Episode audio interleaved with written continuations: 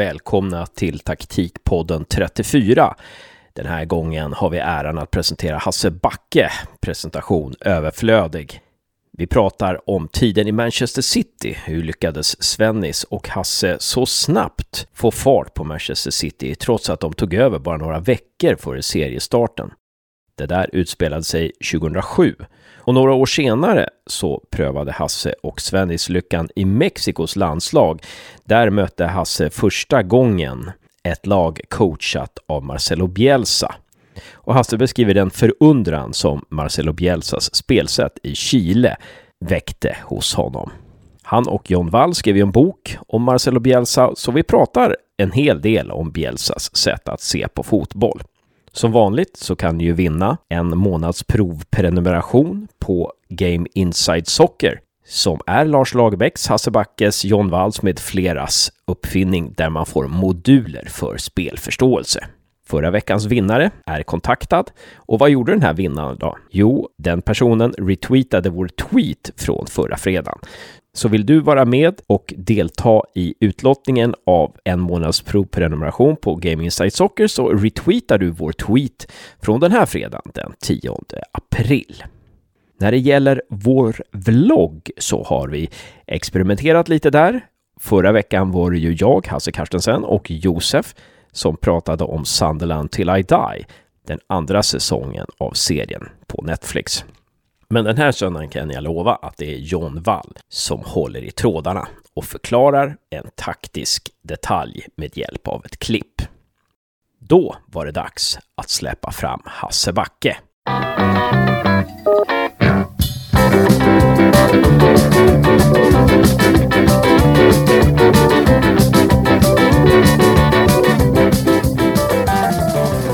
Välkommen till Taktikpodden. Ett stort varmt välkommen Hasse Backe. Tack för det. Det är ju fantastiskt att få prata med dig. Du är ju alltså, jag vill säga, du är väl vår Sveriges näst mest internationella tränare med en rad internationella eh, klubbar eh, bakom dig. Liksom I Norge, Danmark, Österrike, Grekland, England, eh, USA och så landslag också. Håller du med om det själv att du är den näst mest svenska internationella tränaren? Ja, så är det nog faktiskt. Det är nog bara Svennis som har fler uppdrag och fler år utomlands vad jag vet. Det kan nog knappast vara någon annan. Jag tror jag blev utomlands i närmare 17 eller 18 år faktiskt totalt. Så, så det kan nog stämma. Är det något land som du känner att ja, det där är mitt andra hemland nu? Alltså man kan säga att man får, jag får nog dela upp det där lite. Om man ser man rent upplevelsemässigt så är Premier League och Manchester City det är oslagbart. Ser man till framgångar så är ju FC Köpenhamn absolut sticker ut. Ser man till upplevelser, boende, ja det går aldrig att komma ifrån liksom New York och New York Red Bulls. Men även tycker jag Mexikos landslag var en, en oerhörd upplevelse. Ja.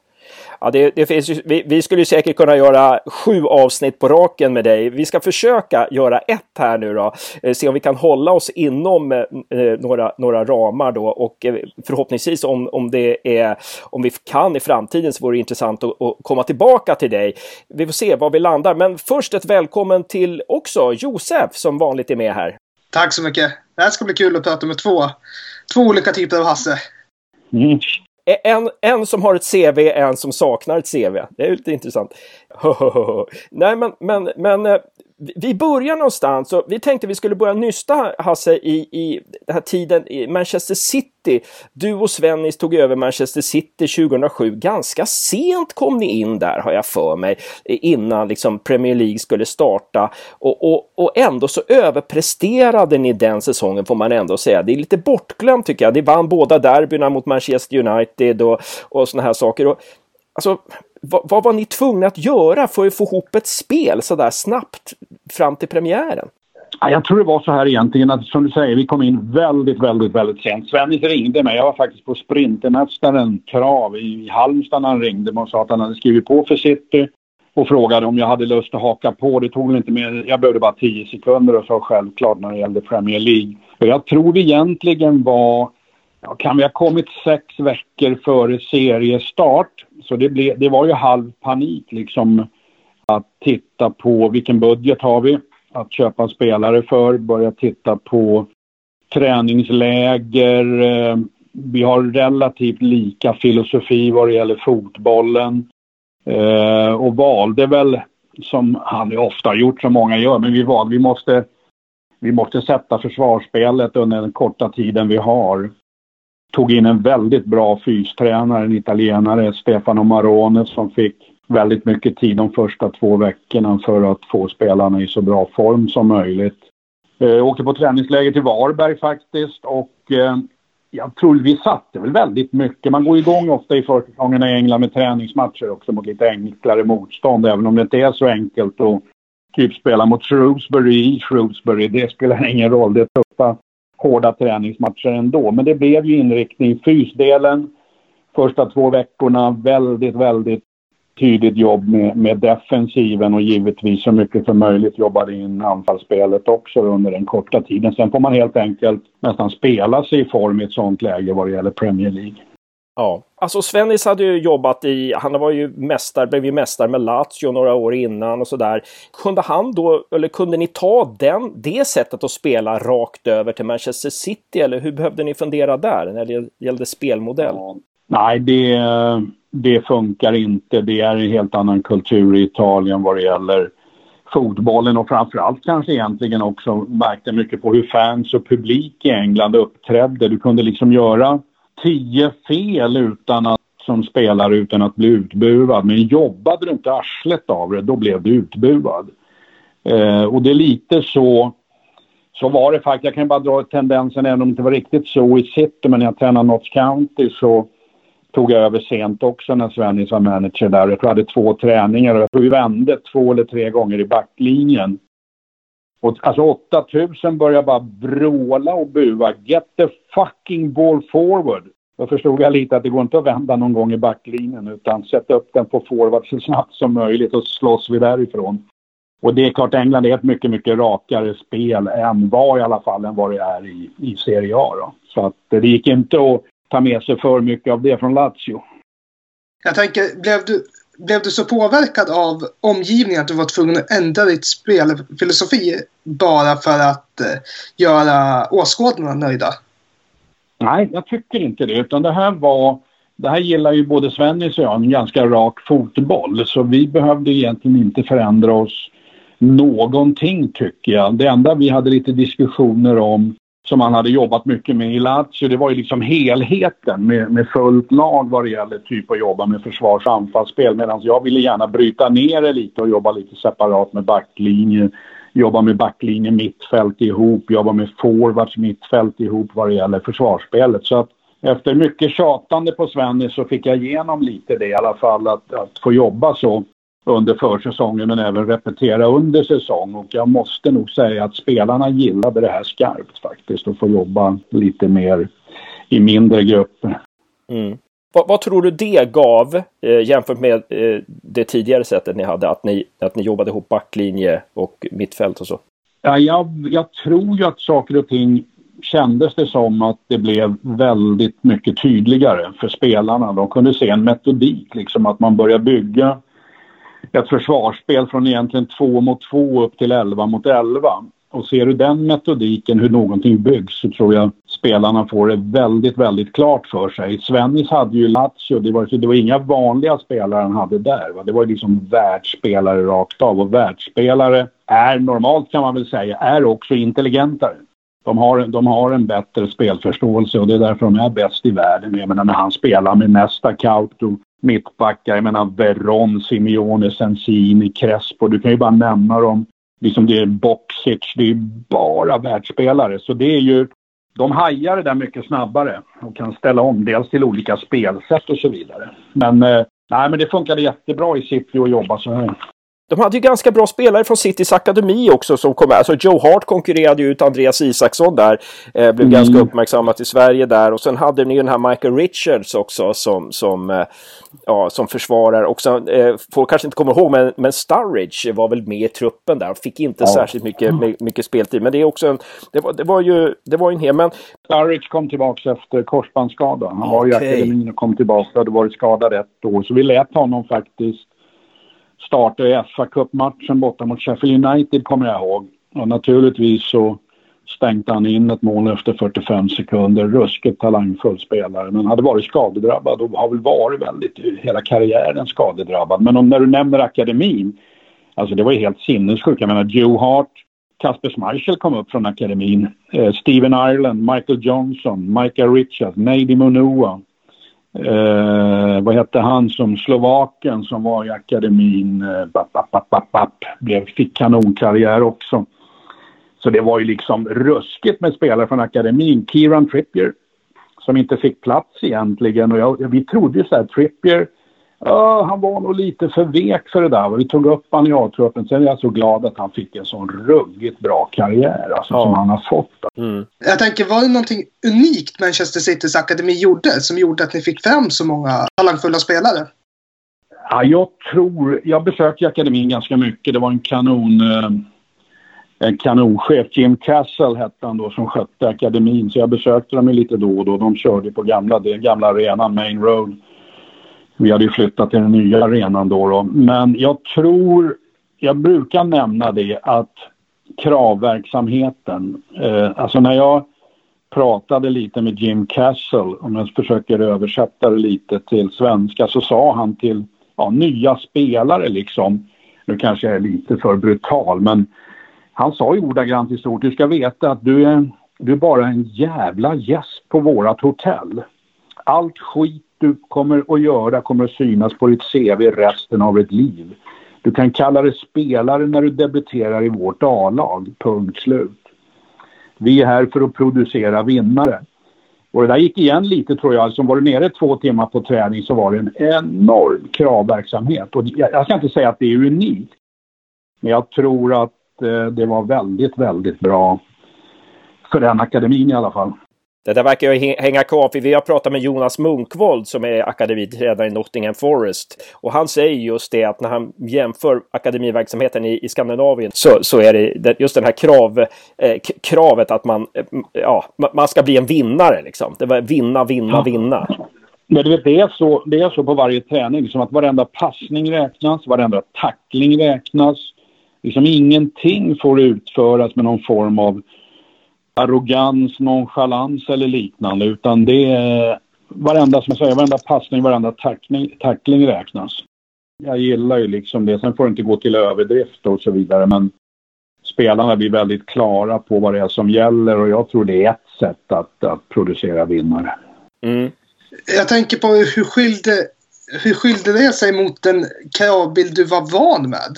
Ja, den skilde sig nog en hel del skulle jag vilja påstå. I Sverige är vi ju, alltså jag vågar nästan påstå utan att veta hur akademierna ser ut idag, men det är klart att vi är mycket, mycket mer sociala. Det nästan utgår jag ifrån att, att man fortfarande är i Sverige. Det här i England och de akademierna gränsade ju lite till, ja det är fel att säga penalism, det är det ju inte, men ganska liksom brutalt Eh, på respektive spelare och eh, vad det gällde utförandet på varje träning. Men det var ingenting som spelarna man på något sätt märkte led av eller något liknande. Och det är bara att titta då på det antalet spelare som kom fram under den här tiden och även senare från den här akademin. Va? Det, jag tror vi hade fem eller sex som debuterade i Premier League som kom från, från akademin.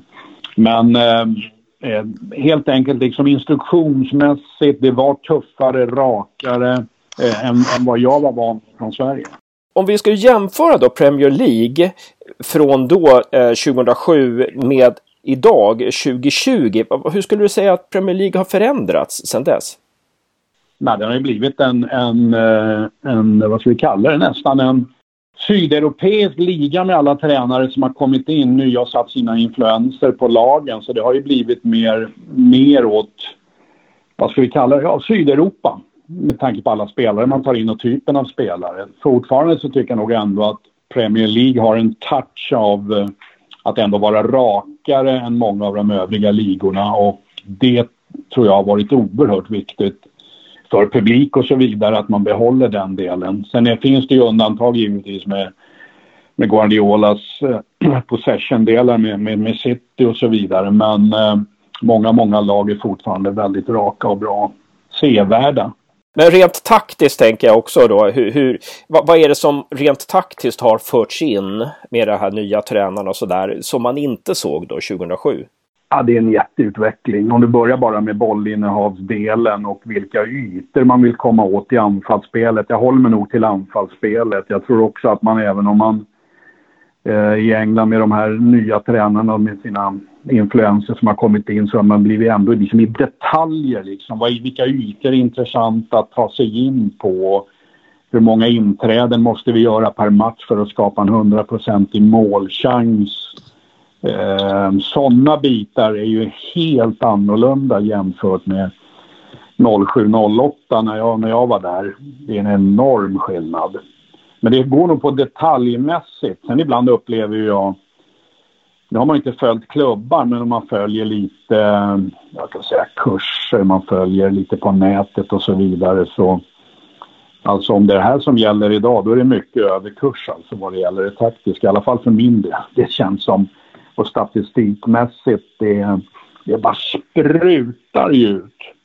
Och hur olika analyserar, olika då, ja, ska jag säga, tränare, vad det nu är, analyserar Leipzigs sätt att spela eller City eller Liverpools. Det, det, är, det är sånt flöde va? så att jag får ju nästan huvudvärk. Alltså. Ja, just det. det måste ju du ha också fått en insikt i, i och med att du gör Fotbollslabbet tillsammans med Ola eh, Lidmark eh, Eriksson och Jocke Progella, Playmaker AI. Så det måste ha betytt ganska mycket för dig under de senaste åren, insikten i statistik och så. Ja, framförallt så att jag vid en gammal ålder kan hålla mig ajour liksom, med vad som händer internationellt och statistiskt, taktiskt. Eh, jag var ju besökte Salzburg här bara i mitten på februari och det var ju en enorm, enorm upplevelse. Alltså det måste ju vara världens mest eh, avancerade akademi utgår jag ifrån. Eh, men med Ola och Playmaker liksom och hur många klubbar jobbar och jag förstår ju klubbar som måste ta till eh, ja, kanske extremt mycket statistiska bitar för att de har inte ekonomin. Och har man inte ekonomin måste man hitta andra vägar. Och då kan man hitta andra vägar med det som Ola jobbar med. Liksom, vad behöver vi för typ av vänsterytterfältare? Vad behöver vi för typ av forward för att få det och det? För att få si och så många inlägg per match och vilken typ av forward kan hantera den här typen av inlägg? Och då köper vi en sån. Och det, jag tycker det är ganska läckert att de klubbarna försöker vara så innovativa så de hittar andra vägar. För de kan inte utmana ekonomiskt. Jag tänker, var det något Salzburgs akademi gjorde helt motsatt till Manchester Citys? Det borde de ha gjort. Eller ja, det gjorde de definitivt. Om man ser till bara en sån här sak att du har ett band på armen och sen är det det är väl U15, U16, U17, U19 som är i Salzburg. Så har du då när du kör ett förmiddagspass så registrerar det här bandet vilken fysisk belastning du har haft på träningen. Vilket innebär att när du går på lunch så är det tre olika maträtter beroende på hur hårt du har belastats. Du käkar en grön, svart eller gul. Liksom det där för mig är det fan, då, då snackar vi liksom hur man mäter ja, för en energiförlust och så vidare utifrån träningspasset. Sen kommer man till en oktagon som är byggd som handlar om spelförståelse där du går in som en jävla tunnel. Sen har du en boll, sen poppar upp antingen färger eller mål. Sen jobbar du i en minut för att börja mäta spelförståelse och hur du ska jobba vidare för att förbättra din spelförståelse. Alltså de är så ruskigt långt framme på sådana här bitar. Sen ställer jag mig kanske frågan ibland själv sen när vi åkte hem att kan man tillgodogöra sig allt det här? Men eh, de jobbar utifrån att vi tror att vårt spelsätt är framtiden och då utbildar vi spelare utifrån det. Det är ett högt försvarsspel, det är transition och sen är det väl, ja, det är något mer än tredje punkt de har va. Men de eh, är ju så utstuderade så de får ju spelare som i princip kan löpa i 90 minuter högintensivt också. Ja, spännande det det var en upplevelse att se det där. Alltså, herre Jesus alltså. De hade på träningen, det var lite roligt faktiskt, man hade en analys av en match och en lirare i mittbacken tog upp och sa ja, vi behöver vi behöver nog lite mer bollinnehav. Det blev dödstyst alltså. Så här. Ordet bollinnehav, det nämns inte i den föreningen, det lovar jag. Om vi ska gå till det här med Bielsa då. Jag träffade dig, eh, första gången jag träffade dig eh, var på ditt och eh, John Walls boksläpp. Ja, mm. när kan det ha varit? Kanske våren för ett år sedan ungefär. När ni släppte boken om Bielsa här som har sålt väldigt bra. Då berättade du där att dina första upplevelser av, av Bielsa, det var ju när Mexiko mötte Chile om jag inte har helt fel. Att det var, vad var det du fick se där då liksom? Ja, jag var chockskadad. Alltså, vi mötte, när jag var assisterande i Mexikos landslag, då, så mötte vi Chile i en träningslandskamp i Los Angeles. Eh, vad kan det här ha varit då? 2008 gissar jag att det kan ha varit. Hösten eller våren 2009. Och eh, fullspikad stadion på en sån där amerikansk fotbollsarena där i LA. Fan 80 000. Och eh, jag satt alltså och sa till Svennis, vad fan är det som händer? Alltså det de löper i 90 minuter, de har platsbyten i 90 minuter. Forwards droppar ner, mittbackar flyttar upp. Vad fan det, det ser ju dessutom vara invant, alltså att man har skapat rutiner på det här. Och efter det så började jag ju mest möjligt då bara studera Bielsa. Eh, efter, för jag sa det här måste ju vara framtiden. Alltså det är så platsbyten och rotationer. Det, det måste vara det. Så det var där det började egentligen. 2008 eller 2009 var det. Och så snackade John och jag, vi borde fan rita ner någonting. Det finns så intressanta mycket grejer runt Bielsa. Och framförallt sa vi, vi tittar på anfallsspelet, på anfallsuppbyggnad och sista tredjedelen hur man ska bryta ner ett försvar. Han har ju varit ute Bielsa alltså och sagt att det finns 28 sätt att bryta ner en backlinje, punkt slut. Så att det, det, det, det är som amerikansk fotboll då, får eh, playbooken och liknande där. Alltså. Ja. När vi pratade med Göran Aral eh, som var assisterande till dig i New York Red Bulls eh, ja, 2010 till 2012 där. Då sa han att det året, han hade ju varit med och utvecklat tränarutbildningen i Sverige, men det året eh, ja, med dig där i New York Red Bulls, det, liksom, det förändrade hela hans sätt att se på fotboll. Alltså, var det någonting där du tog med dig redan där då från Bielsa, eller? Ja, jag försökte lite i alla fall, framförallt vad det gällde anfallsuppbyggnaden från en trebackslinje liksom och gå över i anfallsuppbyggnaden till trebackslinje. Eh, det hade vi definitivt tagit med oss. Och sen när vi tittade lite på, på sista tredjedelen så vi kunde inte skapa lika mycket som Bielsa men vi kunde i alla fall ge så vi kallar det lite triggers till våra forwards beroende på var bollen fanns någonstans. Och det blev nästan en regel som att den spelaren av våra som är närmast bollhållaren ska fan aldrig ha bollen. Den spelaren ska bara öppna ytor. Och två eller tre medspelare. För vi måste ge bollhållaren fler än ett alternativ. Så att, men grundregeln var lite intressant när man sa till spelare. Du som är närmast, du ska fan inte ha bollen. Du öppnar yta, bom, bom, bom, dit och någon annan faller ner i den. Så det blev ju en form av rotationer, eh, både i anfallsuppbyggnad och sista tredjedelen. Och jag, jag borde få se mer av det i svensk fotboll hoppas jag. Eh, I typ allsvenskan. Att man jobbar lite åt det hållet. Jag tycker det är för start. Är det några klubbar där du tänker som, som är, ligger lite i framkant där? Ja, Hammarby, Hammarby överlägsna skulle jag vilja säga. Eh, men det betyder ju liksom att eh, jag har till och med nästan glömt namnet på tränaren i Hammarby. Eh, jag är för gammal alltså. Stefan Billborn. Billborn, ja. Han har ju dessutom fått boken. Så jag sa åt honom läs den här nu. Ta det som nattlektyr. Alltså, den ska ligga vid nattduksbordet, bjälsa boken, Och så läser du varje kväll. Alltså. Eh, så jag tycker Hammarby ligger absolut i framkant. Norrköping varit på väg, tycker jag. Eh, att få till den här delen. Men framförallt Hammarby. Och det är jäkla kul att de fick så bra resultat också 2019. Jag tänker, är det någonting du skulle vilja ändra på i tränarutbildningen i, inom Skandinavien? Eller Sverige oh, ja. ja, jag vet ju knappt hur den ser ut. Det var länge sedan jag var involverad i tränarutbildningen.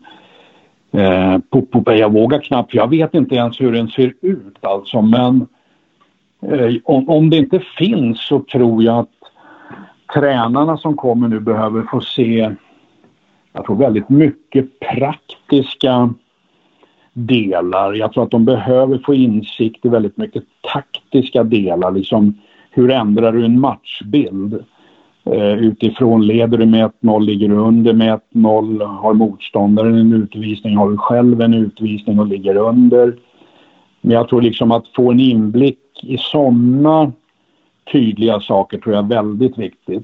Typ förändra en matchbild. Sådana här saker. Men det kanske finns redan, jag vet inte. Om vi, om vi går tillbaka till allsvenska klubbarna och det här med alltså frånvaron av, av platsväxlingar och rotationer och sådär. Varför tror du inte det slår rot?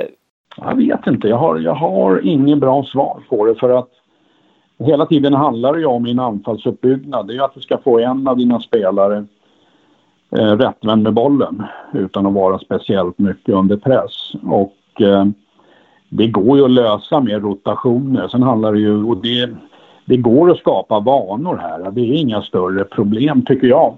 Oavsett om du spelar med två eller tre centrala mittfältare så, så går det att jobba med det. Bielsa är ju väldigt intressant när han säger att jag har aldrig lagt någon tid på att träna min backlinje och våra uppspel. Det är fullständigt ointressant. De måste väl för fan kunna slå en bredsida mellan varandra, backlinjespelarna. Det som är intressant det är vad som händer framför backlinjen. Det är liksom mittfältets rotationer som är helt avgörande. Och jag vet ju, jag har ju hela mitt liv hållit på och jobbat och tränat med en backlinje tills jag upptäckte Bielsa och tyckte det här låter ju helt rätt. Kan de inte slå en sidledspass till varandra och ta, driva upp bollen mot fältet och sen få rotationer på fältet? Det vore ju oerhört märkligt. Så att eh, jag tror fortfarande vi lägger alldeles för mycket tid på att jobba med en backlinjes eh, anfallsuppbyggnad. Det är min gissning i alla fall snabbare på mittfältet helt enkelt. Eh, och... Ja, rotationer, rotationer, vältajmade rotationer. Jag har ju, jag kanske snackar för mycket nu, men jag blev ju anställd av Uefa för ett år sedan drygt att vidareutbilda ja, två av Europas mest lovande damtränare under 18 månader. Alltså jag tränar en norska Hege Riese och en engelska Emma Coates som har U19, U17 och U19-landslaget i England. Och jag var tränade Lilleströms damlag med Hege Riise här så jag sa det ska inte köra ett Bielsa-pass och jobba med sista tredjedelen lite och lite anfallsuppbyggnad.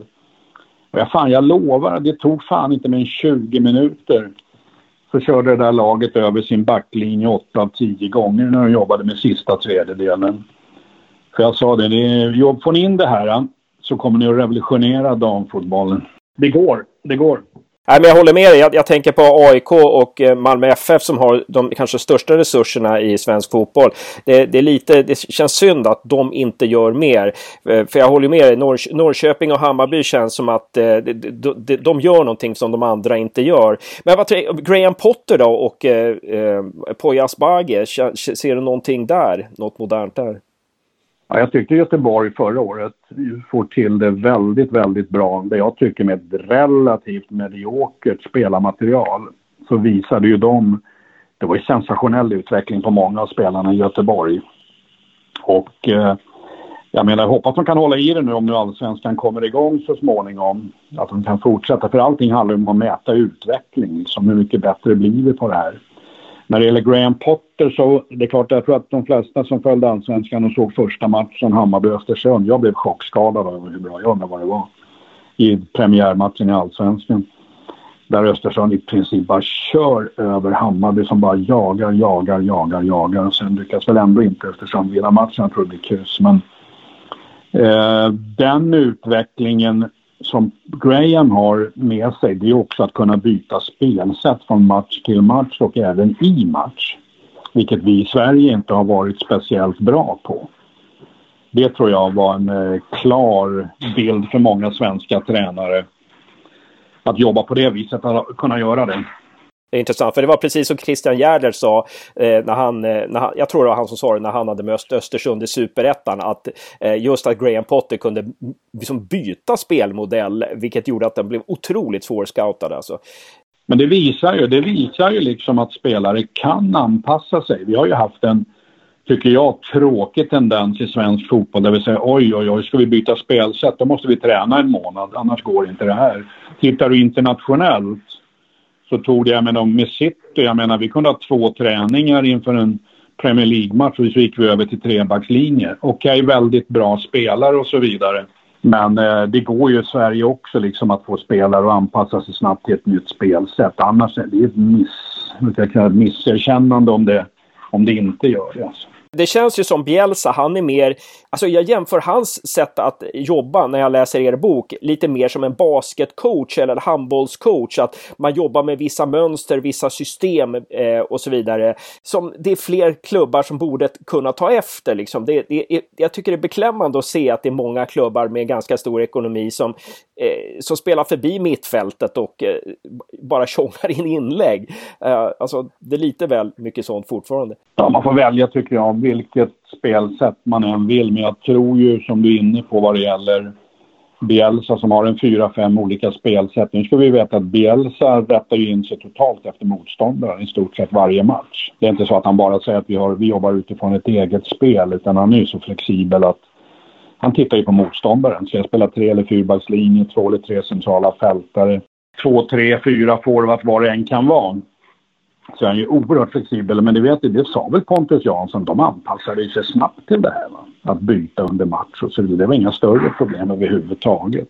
Så att eh, han är ju väldigt extrem då. Han är ju en ytterlighet då. Sen gäller det väl att hitta någon balans i det där, vad man tror själv är rätt och vad som funkar med det lag jag har. Men jag skulle ju gärna se mer att spelare på något sätt jag vill se mer som jag säger, det handlar om platsbyten, rotationer för mig. Jag vill se en, en rörligare svensk fotboll. Och jag tror det skulle passa och funka även internationellt om man ska kvalificera sig till någon av de större, större turneringarna också.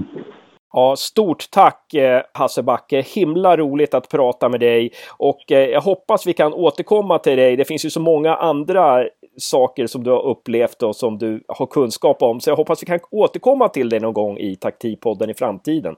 Absolut, vi har inte hunnit med speciellt mycket idag. Det finns mycket mer att prata om. Ja, precis. Och tack så mycket Josef, bra jobbat! Tack själv Hasse! Ja, tack! Kul! Hoppas det går bra för dig.